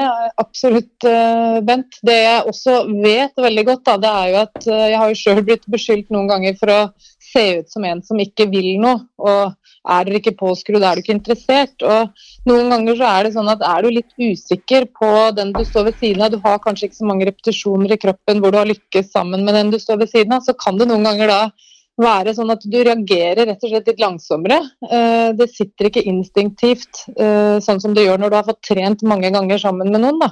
Eh, Så det kan faktisk være både det at man ikke har klart å treffe med å være på en måte påskrudd, men også at det kan handle noe om at det er en del av de som er som du sier, litt usikre på rollen sin, og at de mangler den eh, kamptreninga sammen. Da. Så jeg tror det er litt sånn sammensatt, egentlig. Så er det klart at det er stor forskjell på å spille en landskamp kontra å spille en, en klubbkamp. Sånn er det bare. Men eh, vi, vi prata mye på det her da, på de ulike faktorene, for jeg tenkte liksom sånn For jeg fikk en sånn eh, altså Veldig, veldig mye positivt. Eh, Jeg synes det var fantastisk så mye som satt mot, eh, mot, mot Danmark der, med, altså med turborekka, med kantene, med linja, med, med målvakt. altså Når Norge på en måte får toppa med de beste, så skal du fanken meg være god for å, for å henge med, altså. Men så ser du da også gjennom tre kamper med, med Frankrike. Eh, Jeg syns de har mer å variere med i forsvar, flere forsvarsomlegginger. Eh, han har en verktøykasse med ganske stor krom også, er en god taktiker. Og så var det det som slo meg. Vi, altså Tore kan jo ikke svare på det vi diskuterte igjennom der. Er det slik at når han bytter på Frankrike, så faller det ikke like mye som når vi bytter, eller er det bare justeringer og litt usikkerhet som hva, hva, hva, Skjønner du hva jeg mener, Grå? Altså, Ja, altså først, først og fremst så var jeg liksom positivt overraska når jeg så Frankrike, over at jeg syns at de var ganske bra framover. Eh, For jeg syns de har vært kjent for å være ekstremt gode og tøffe defensivt, men jeg syns de har noen typer nå som, eh, som faktisk er veldig morsomme å se på angrepsmessig òg. Så jeg, jeg opplever at de òg har steppa opp et nivå. Um, og veldig glad for at de gjorde det. For det er ikke noe tvil om at hvis jeg skal velge ut én kamp som jeg opplevde var den mest verdige, så var det kampen mellom Norge og Frankrike. Selv om Norge sånn sett kanskje sto bedre i forsvar mot eh, Danmark, så ligna jo ikke Danmark på et lag som hadde trua overhodet. Eh, og i den Frankrike-kampen så får vi jo øve oss på det som, som er kanskje den aller mest nyttige, nyttige treninga. Det er jo å spille en jevn kamp, hvor vi til og med opplever at vi feiler på slutten og holder på å rote bort seieren. og Toril var litt inne på det i et intervju etter kampen at eh, det gjenstår jo å se om vi har lært noe av det som skjedde. Eh, Jeg er helt overbevist om at eh, Nora Mørk kommer ikke til å gjøre en sånn, eh, et sånt innspillsforsøk i sluttsekundene igjen uten at det da enten sitter eller, så en, eller så finner hun en annen løsning. Og jeg har sjøl gjort det der i landskamp, og jeg gjorde det i en tellende landskamp til og med. Eh, Jeg gjorde det aldri igjen etterpå, og jeg tror at noe av grunnen til det er at det gjør så jævlig vondt å på en måte ødelegge for laget sitt, eller holde på å ødelegge for laget sitt. Ja, jeg ser, altså, og jeg ser jo alt det der, der men, men litt tilbake til det Frankrike. Altså, jeg syns jo de har et lag som ja, nå så vi et fransk lag som løp. De løp gjennom nesten hele kampen når de satte press etter. Så er det ikke så lenge siden vi spilte en VM-finale mot Frankrike, mot et Frankrike som gikk. Eh, Brukte tid og frustrerte Norge. Trakk ut tempo og slåss ja, i forsvaret. trekker ut tempo, har de forskjellige så, så Jeg føler på en måte at de, de kan legge flere forskjellige gameplaner enn det vi kan akkurat sånn som nå. Så vi er opptatt av et, et steingodt forsvarsspill, fantastiske målvakter, det har vi nesten bestandig, og så er det den store farta etter. Mens Frankrike kan på en måte variere mer både under en match og i innganger til en kamp for å kunne se og for å kunne frustrere. og det er på en måte Der, er- der syns jeg Kronbolls på en måte litt av det vi snakker om, da, med, med litt større verktøykasse på, på, noen, på noen ting og på noen spillere. Det, det, er, så, altså, det, er jo de, det er jo de vi frykter, men Norge slo Frankrike nå, og Norge på topp slår Frankrike også i en forhåpentligvis EM-finale i Trondheim. Men jeg, Ja, jeg, Unnskyld, fortsett, Gro. Fortsett. Ja, jeg, jeg er enig med deg i at uh, Frankrike har en stor verktøykasse, og at de, de er gode til å ta noen taktiske grep. Um, de er en smart trener. Men jeg sitter med en sånn følelse av at jeg opplever at eh, de norske spillerne, hvis vi tar sånn spiller for spiller, da, eh, med de sentrale spillerne, så syns jeg vi er ett hakk bedre enn de. Eh, Så akkurat nå så syns jeg det er kjempespennende, for jeg føler vi er ganske sånn 50-50 når vi skal se en kamp mellom de to lagene. Og det er jo egentlig ganske gøy da når man sitter og ser en håndballkamp at ikke det er gitt på forhånd hvem som kommer til å, til å ta det gullet. Så veldig moro å se den kampen. Men bare veldig kort, eh, Gro. Eh, kampen mot Frankrike. Norge går ut av startblokka i 100 og leder 12-7. Og det er high five, og Harald og Bent er i ekstase, og så snur det totalt. Eh, hva, er det som liksom skjer? Hva er det, hva er det i? Hvordan, hvordan takler spillerne det? Du har sikkert vært med på det før? Ja, det er jo sånn at det svinger mye i løpet av 60 minutter, og noen ganger er det lengre man spiller òg. og det kan jo handle om noe så enkelt som at man gjør noen bytter. Det kan handle om at det andre laget plutselig klarer å heve seg litt, og det var jo det jeg opplevde skjedde. da. At eh, de eh, lykkes med flere ting, eh, og de klarte å utnytte da at f.eks. For forsvaret til Norge ikke var eh, helt optimalt eh, hele veien der. Eh, De straffer oss for de feila vi gjør eh, i angrepet, de tekniske feila. Um, og det er jo noe av det som jeg sitter igjen med som en sånn forbedringsoppgave. Det er jo det at eh, en del av de som gjorde noen tekniske feil, er spillere som vanligvis pleier å være ganske pasningssikre. Stine Bredal Oftedal bl.a. hadde jo en kamp der hvor jeg tror jeg noterte meg fire tekniske feil på henne, og hun pleier å være ganske sikker.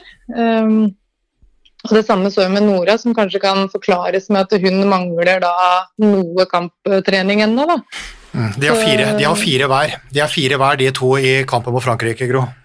Ja, så det er jo usedvanlig høyt av to så dyktige håndballspillere. Men sånn for Nora sin del så tror jeg det handler om at, eh, at hun er enda Hun er ekstremt god når hun er på sitt beste, men du ser jo at hun har litt å gå på fortsatt i forhold til stabiliteten sin. Og så Stine kan jo være rett og slett en konsentrasjonsglipp, for det er veldig sjelden vi ser det. Um, hun var jo solid i eh, veldig veldig solid i mye av spillet sitt, så jeg er ikke noe urolig for hennes nivå, egentlig. Men jeg syns at Frankrike er veldig gode til å straffe oss på det, da, og mye bedre enn det en del andre lag er. For én ting er at de vinner ballen, men det å klare å utnytte det og score på det, eh, f.eks. i kontringer, da. Ja, for det, ja, jeg syns de, jeg de så skarpe ut. Så kan vi tenke at ja, eh, eh, mot Frankrike vi hadde da en, en Løke en, eh, en Lunde. Men så er det klart at med målvakter, da.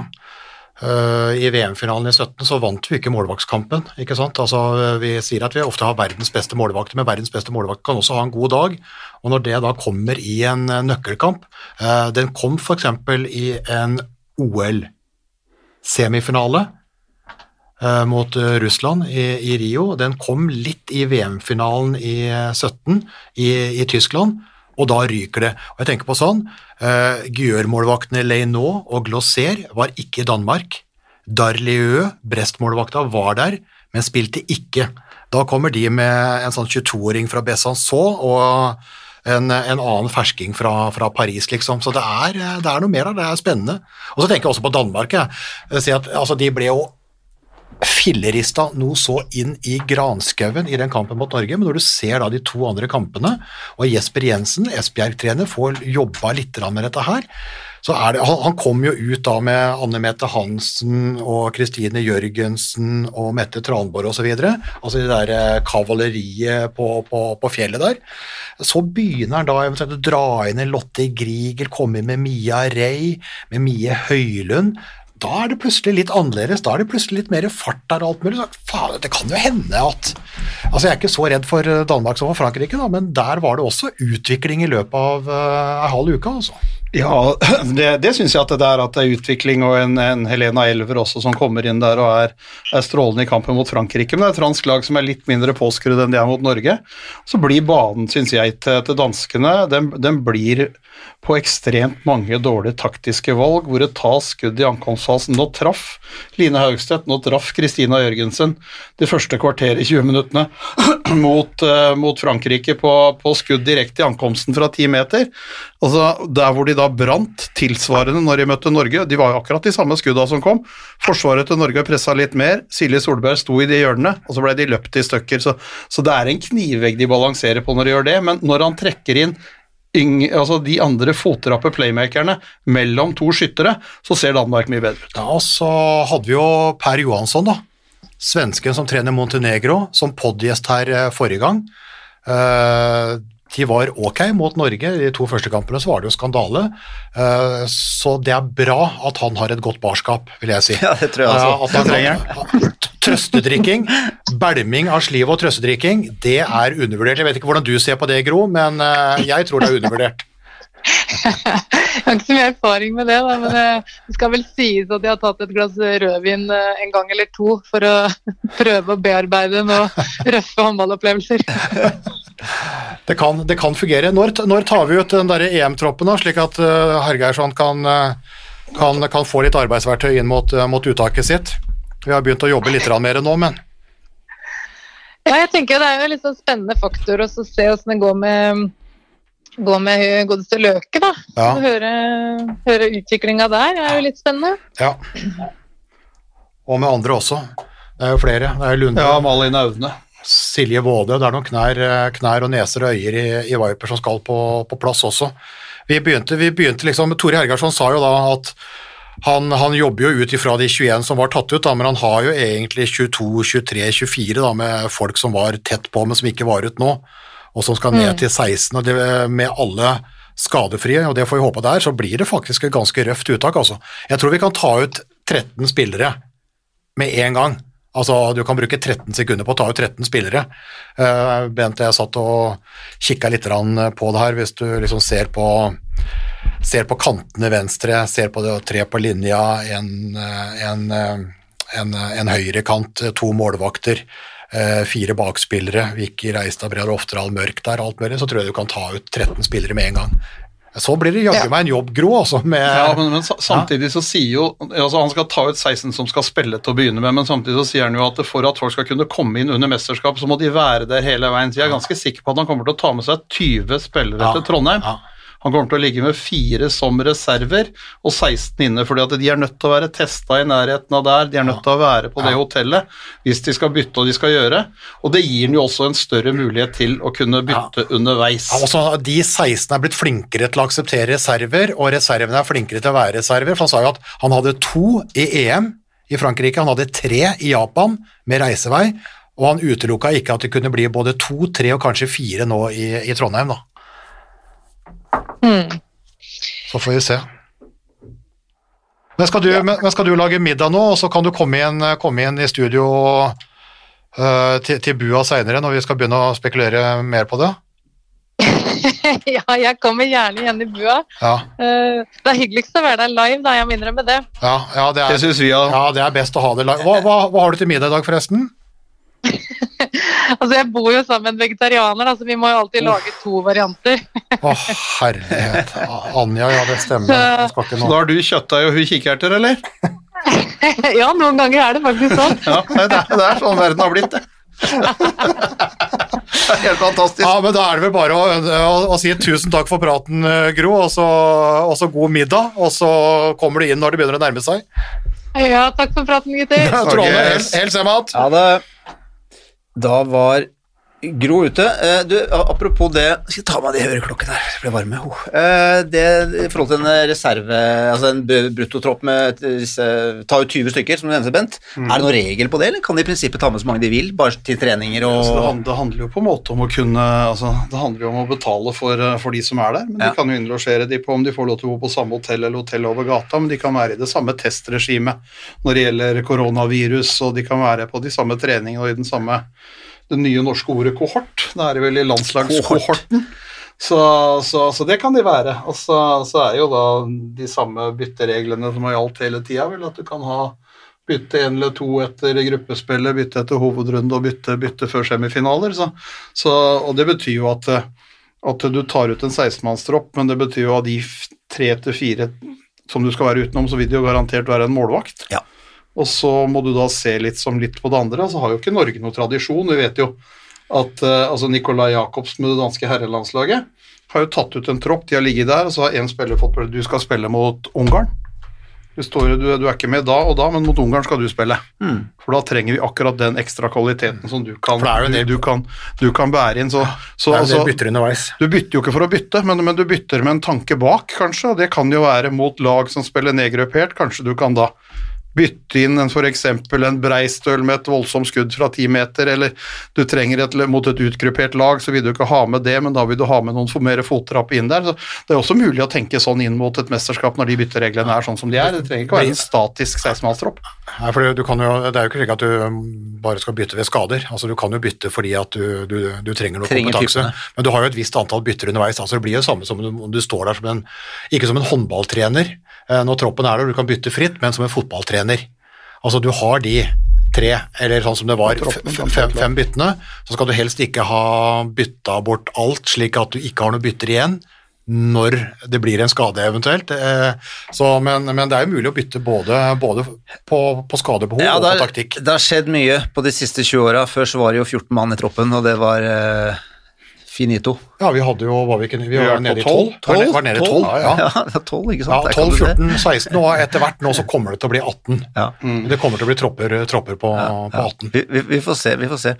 Uh, gutta, vi må bare litt sånn før vi skal over på Bent og gullrekka, så mm, skal vi bare ta det med en gang, syns du? Ja, ja jeg, jeg tror vi tar uh, Ja. Vi har holdt på såpass lenge nå. Ja. Vi, vi, kan bare, vi kan bare ønske Sander Sagosen lykke til med skada, det går an å nevne. Ja. Han ble, fikk en avrivning mot Erlangen i Bundesliga-debuten, og øh, jeg regner med at dere hold, holder, øh, holder oversikt på hvor lenge han ble borte etter hvert. Men jeg hørte det på TV 2-nyhetene. Ja, men vi, kommer vi ja, skal sjekke opp det, for det, det, er jo spilt litt rann, uh, Rema 1000-liga menn. Uh, gutta skal ut i cupkamper nå. Det er en Rema 1000-liga-runde for kvinner nå til helga, og så er det Champions League-pause for gutta denne uka, men Viper skal i utgangspunktet inn og møte Bucuresti til helga, så det er mye å prate om seinere, for nå ble det en liksom Golden League-spesial. Fikk vi huka av den? Og så får, vi, så får vi ta opp igjen mye av det andre her, skadesituasjonen. Vi skal gjennom knær, eh, strekker, Øyer. øyer, neser, altså øre-, nese- halsavdelingen til kommentatorbua kommer sterkt tilbake, også da med den eh, lokale og nasjonale og gode håndballen der. Bra. Du, da skal vi over til en uh, ny spalte her, og den spalten uh, Hvor mange programmer er det i den nye Familiens ære, Bent? Køl og pinne er altså det er, det er nye episoder hver dag. Ja, det, Ikke sant? men hvor mange, hvor mange episoder er det? Jeg det? kan si ti, tror jeg. Åtte, ni, ti. Da blir, det, da blir det ti spalter framover som heter Køl og pinne. Er det Vi skal alltid er ha med køl og panne. Er det, ti, er det ti programmer i den derre Familiens De Er det ti? Jeg lurer på åtte, kanskje. Ja, men du er da med, du må jo vite såpass. Ja, men jeg har da ikke klippet dette! Dette veit du, Bent. Ja, Du må jo vite det. Dette vet du, Bent. Hæ? Man skal inn og kommentere et eh, EM, for eksempel, og så vet du ikke hvor mange kamper det er eh, til finalen. altså Det går ikke an, det. Ja, men jeg er da bare med. Ja, men jeg møter jo opp når det er kamper. Du veit jo ikke hvor mange kamper det er. Jo, vi vet om det er eh, åtte, ni eller ti kamper Det vet jo aldri eh, hvor mange Norge spiller. Nei, du vet, Ja, han- du vet er- liksom at finalen er ja. Kamp ni. Ja, han vet det. Det er ni. Men ok, eh, til, til lytterne som ikke så på Familiens ære jeg, tror de, jeg regner med at de fleste lytterne våre så det, men for de som ikke så det, dette er da den nye satsingen til NRK, der tidligere idrettsutøvere tar med da sø, sønn eller datter, som også driver med idrett, eller har drevet med idrett, og skal konkurrere. Jeg trodde jo først at det var noe utslagskonkurranse, men det var det ikke. Eh, Men jeg må si det, Bent, jeg er positivt overraska over deg og programmet. Ja, men Det var jo hyggelig å høre. Må starte med det. Jeg er ikke Og så sikker vi- at du er det etter hvert. Jeg er, glad, jeg, jeg er bare glad for at du overlevde, for det så faktisk ikke sånn ut. Nei, vi skal ta, vi skal ta det kronologisk. ja, det er Vi, vi, setter av, vi setter av fem minutter nå i denne spalten, og vi tar det kronologisk. Fordi det jeg bet meg merke i, det var her plutselig Her kom Bent, og så tenkte jeg nå, nå kommer pedagogen Bent, tenkte jeg. Og det første vi ser da, er da at Mia ligger og kåler med geværet, hvor da Bent sier Du kan ikke bruke ei uke, da kan du like så godt ta gjerne strafferundene! Helt korrekt. Ikke sant? Det var første, første setning. Kanskje ikke Pedsem, men uh... Greit nok. Så kommer, da, så kommer da Bent til første veksling. Nei, unnskyld, Mia kommer til første veksling. Hun, hun plaffer ned fire skudd. Én strafferunde. Hvor er Siste Bent? veksling. det. Nei, først, ja, det første. Siste veksling. Første veksling. Siste? Ja, siste. Mia kom. Hva Mia kom det. Ja, kanskje Det var første. fire. Og da, ja, gangen skjøt da, skrei, da skreik han på Bent. Tre skjøt, da. Hvor er Bent? Da kom Bent løpende med hjelmen. Tre treff på første skyting. Ja, ok. han så, han så prata. Jeg sto og så om eh, Patrick Thoresen traff alle. Ja. Sto og prata og fyrte opp kulegrillen og tok en pinne, tenker jeg. Ja, ikke sant? Den kommer etterpå. Så Bent, eh, sitat Aamodt. Bent sliter med sikte. Sliter med hjelmen. Dytter øyet helt inn i siktet. Ja. Du, altså det var et eventyr å se på, der du drev og styra og ordna med det derre Sånn, lå du. Ja, ja, ja. Ja, det var helt overlegent. Ruller inn på tredjeplass. Mia står klar til å ta imot. Syns du hopper over fullt hus?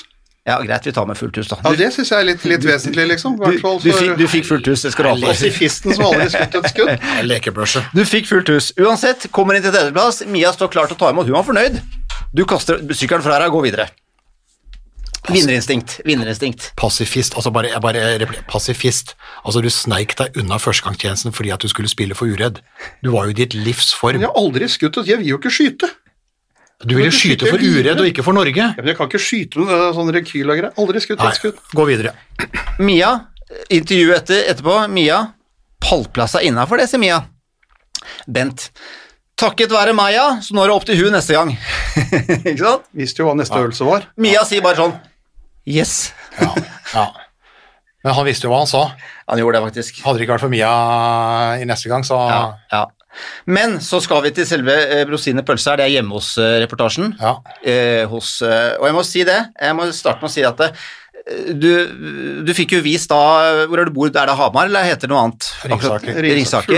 Ja, det, er et jævla jorde. ja, men det var et Rett fint, Hamar. det, det var et fi, Jeg syns det var et fint Ringsaker. hus, og det var et fint villastrøk. Det er klart at det er jo utakknemlig jobb å ha hjemme hos-reportasje i samme program som Bjørn Måseide, som har et jævla slott. Ja, det er, ja, det er riktig.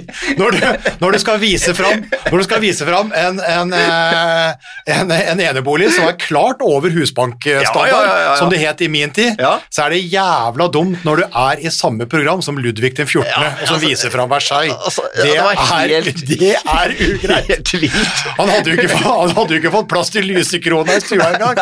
Det var fryktelige greier, Nei, altså. altså, Bjørn, Bjørn har gasskrim, vet du. Det, må, det mot det svele der, Ja, det var, det var rått er parti, men, Ja, ja, ja. men likevel, det var ikke noe negativt, for vi vet jo Men- hvor mange men- milliarder han er Men, for. men, eh, men eh, jeg syns, eh, jeg syns at eh, jeg syns det er bra med Casa Svele. Helt enig, og det var eh, Må ikke være slått. Og, og som du sa, eh, du sa at alle unge generasjonen nede i treningsrommet eh, er vant til all, all Dette funker, sa du. Ja, selvfølgelig. Og, og, men det var artig å se på at, at ansiktsfargen gikk fra hvit til rød etter tre pushups. Det var også Jo men, jo, jo, men det er jo klart det er jo forskjell på en da som har vært ute i gata i Ringsaker og så henta hjem noen feltkapsler som folk har kjørt av, kontra han da som er gründer på et Ja, ja, ja, treningssenter ja, ja, ja. og som pimper opp hjemmet sitt. Det var jo også rått parti. Men nok en gang, jeg syns det var koselig i kjelleren til Svele. Men så kommer vi til selve rosinen i pølsa i rosinen i pølsa. Altså, dette her, eh, dette med kølgrill. Og den monologen til Bent Ja. som han har når han skal ut og grille. Ja. Altså først går han og Vigdis begynner å lage litt mat. Ja, vi får ta oss en pinne, da. Ja. Ikke sant? Pinne er internasjonal. Du må ha det. Ja, oppe i GT-en. Så sier vi, når du står og skuler oppe utover åsen der eh, med pinnen, så sier Vigdis altså Nå får jo Ben kred for kast og sånn, da, men dem som har kasta mest, Mia, det er jo deg og meg. Og Mia bare Ja, det stemmer det, mamma. Så mens Ben står og, og vipper til uh, pinnen. Ja, ja. Og så har jeg lyst til å gå gjennom den derre monologen til Bent. Kan, kan jeg få lov til det? Nå er han forberedt, han har vært stille nå. Vi har prata håndball nå i en ord time, ikke sagt Ja, ett ord. Dette har jeg gleda meg til.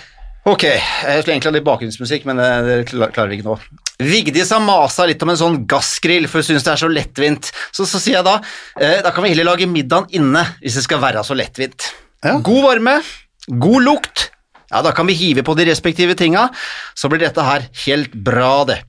Holde på med det gass, altså går du tom for gass, ikke sant? Da blir det bare, blir det bare kald mat, og det er sjanseløst. Køl har du hele tida, tennvæske, flammer opp, køl, fyre opp, god tid, kose seg, formann i Folkeaksjonen mot gassgrill, det er meg det. Alle rister på huet selvfølgelig, men sånn er det, da har vi tid til en ørliten pinne, og så gjør maten seg sjøl. Han høres ut akkurat som den gamle gubben han, han er. Er, Tidenes monolog. det er helt, det, det, og, og jeg syns det er nydelig. Jeg, jeg syns det er nydelig. Aha, Men at det, er en, at det er en gammel gubbe som prater, det er det ikke noe tvil om. Så Folkeaksjon mot gassgrill er ikke så mange medlemmer der, men, eh, men eh, vi var to når vi starta.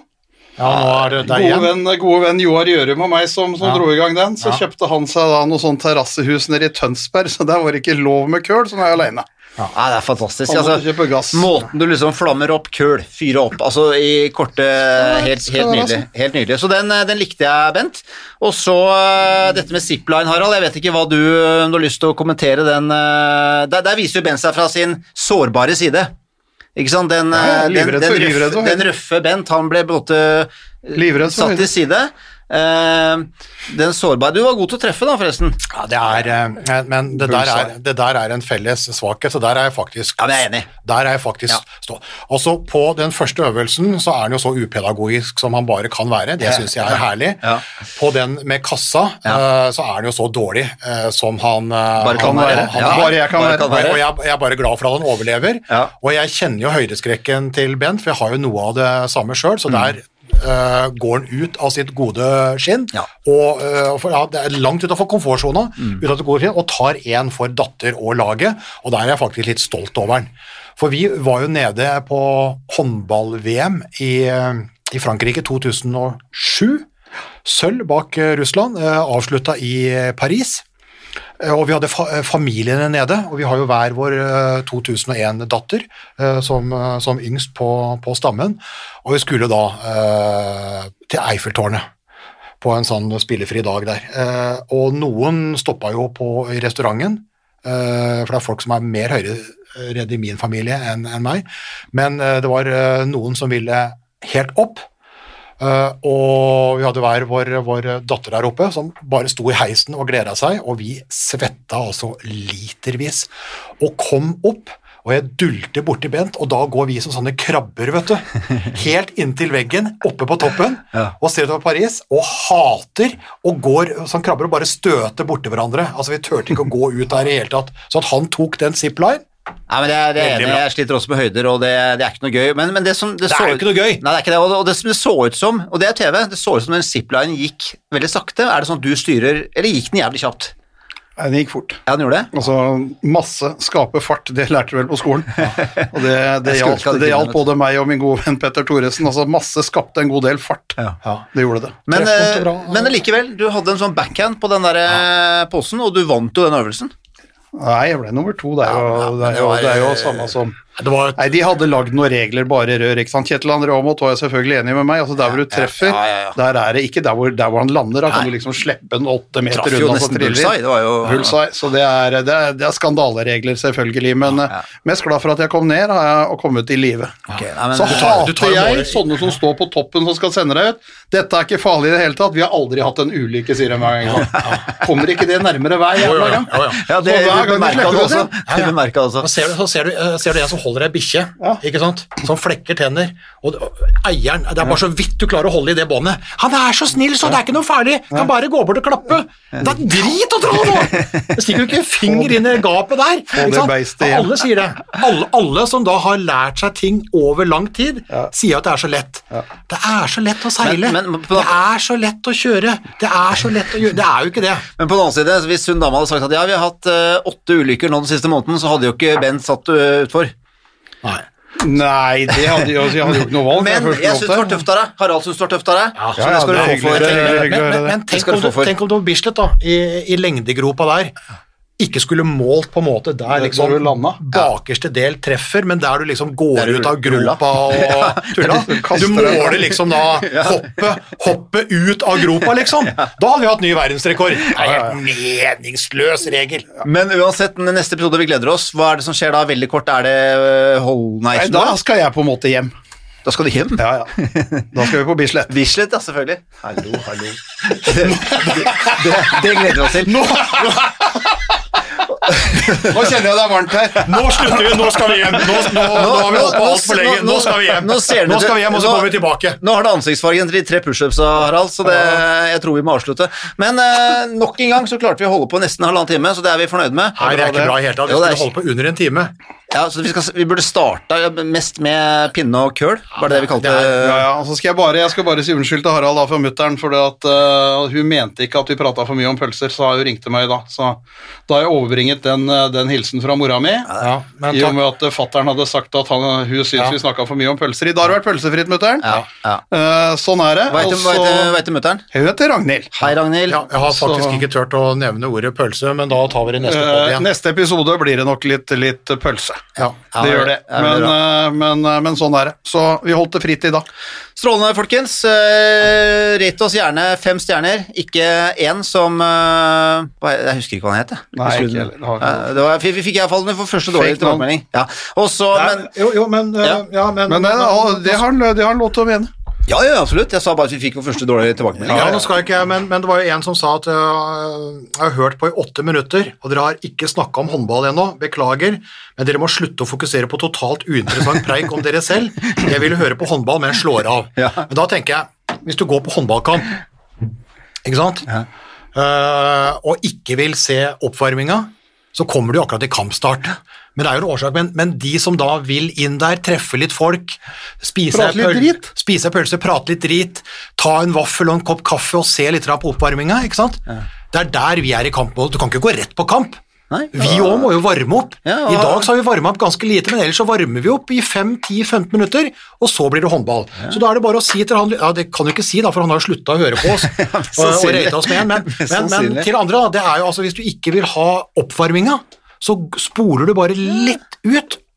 Det er akkurat som du tar opp en kamp hjemme, eller ikke sant, alt mulig, eller film, reklamepause alt. Det er jo så enkelt. Ja, det er så enkelt. Det er bare å gå litt videre, og så er du, og så er du kvitt Men det. det må sies at alle andre ratingene vi har fått, er fem stjerner. Men, ja, men det, er- det, det er jo en ærlig tilbakemelding. Det er helt Ja, ja, ja. suverent, det. Flott, vi liker det. alle må varme opp. Alle må varme opp. Tror du Pavarotti liksom bare gikk på Altså, Hæ? Hæ? ikke, ikke bare skal de varme opp, men vi må ha en avslutning òg, Harald. Og det Nei, faen, vi var ferdige, ja! Vi Ja, var ferdige. vi. Takk for i kveld. Den, den, Eller i dag. den, den likte jeg, at vi var ferdige. Men Harald, for jeg liker Du er entusiastisk, Harald, og det er veldig, veldig bra. Blir ikke bedre enn det. Oppvarming er undervurdert. Helt enig. Avrunding er også undervurdert. Ja, avrunding. Vi snakkes eh, neste uke. Oi, oi, oi, oi, henger han det siste lille, og så drar han til. Oi, oi, oi, for en kanon! Han redder! Torbjørn Bergerud redder! Er det håndballhistorie? Moderne media.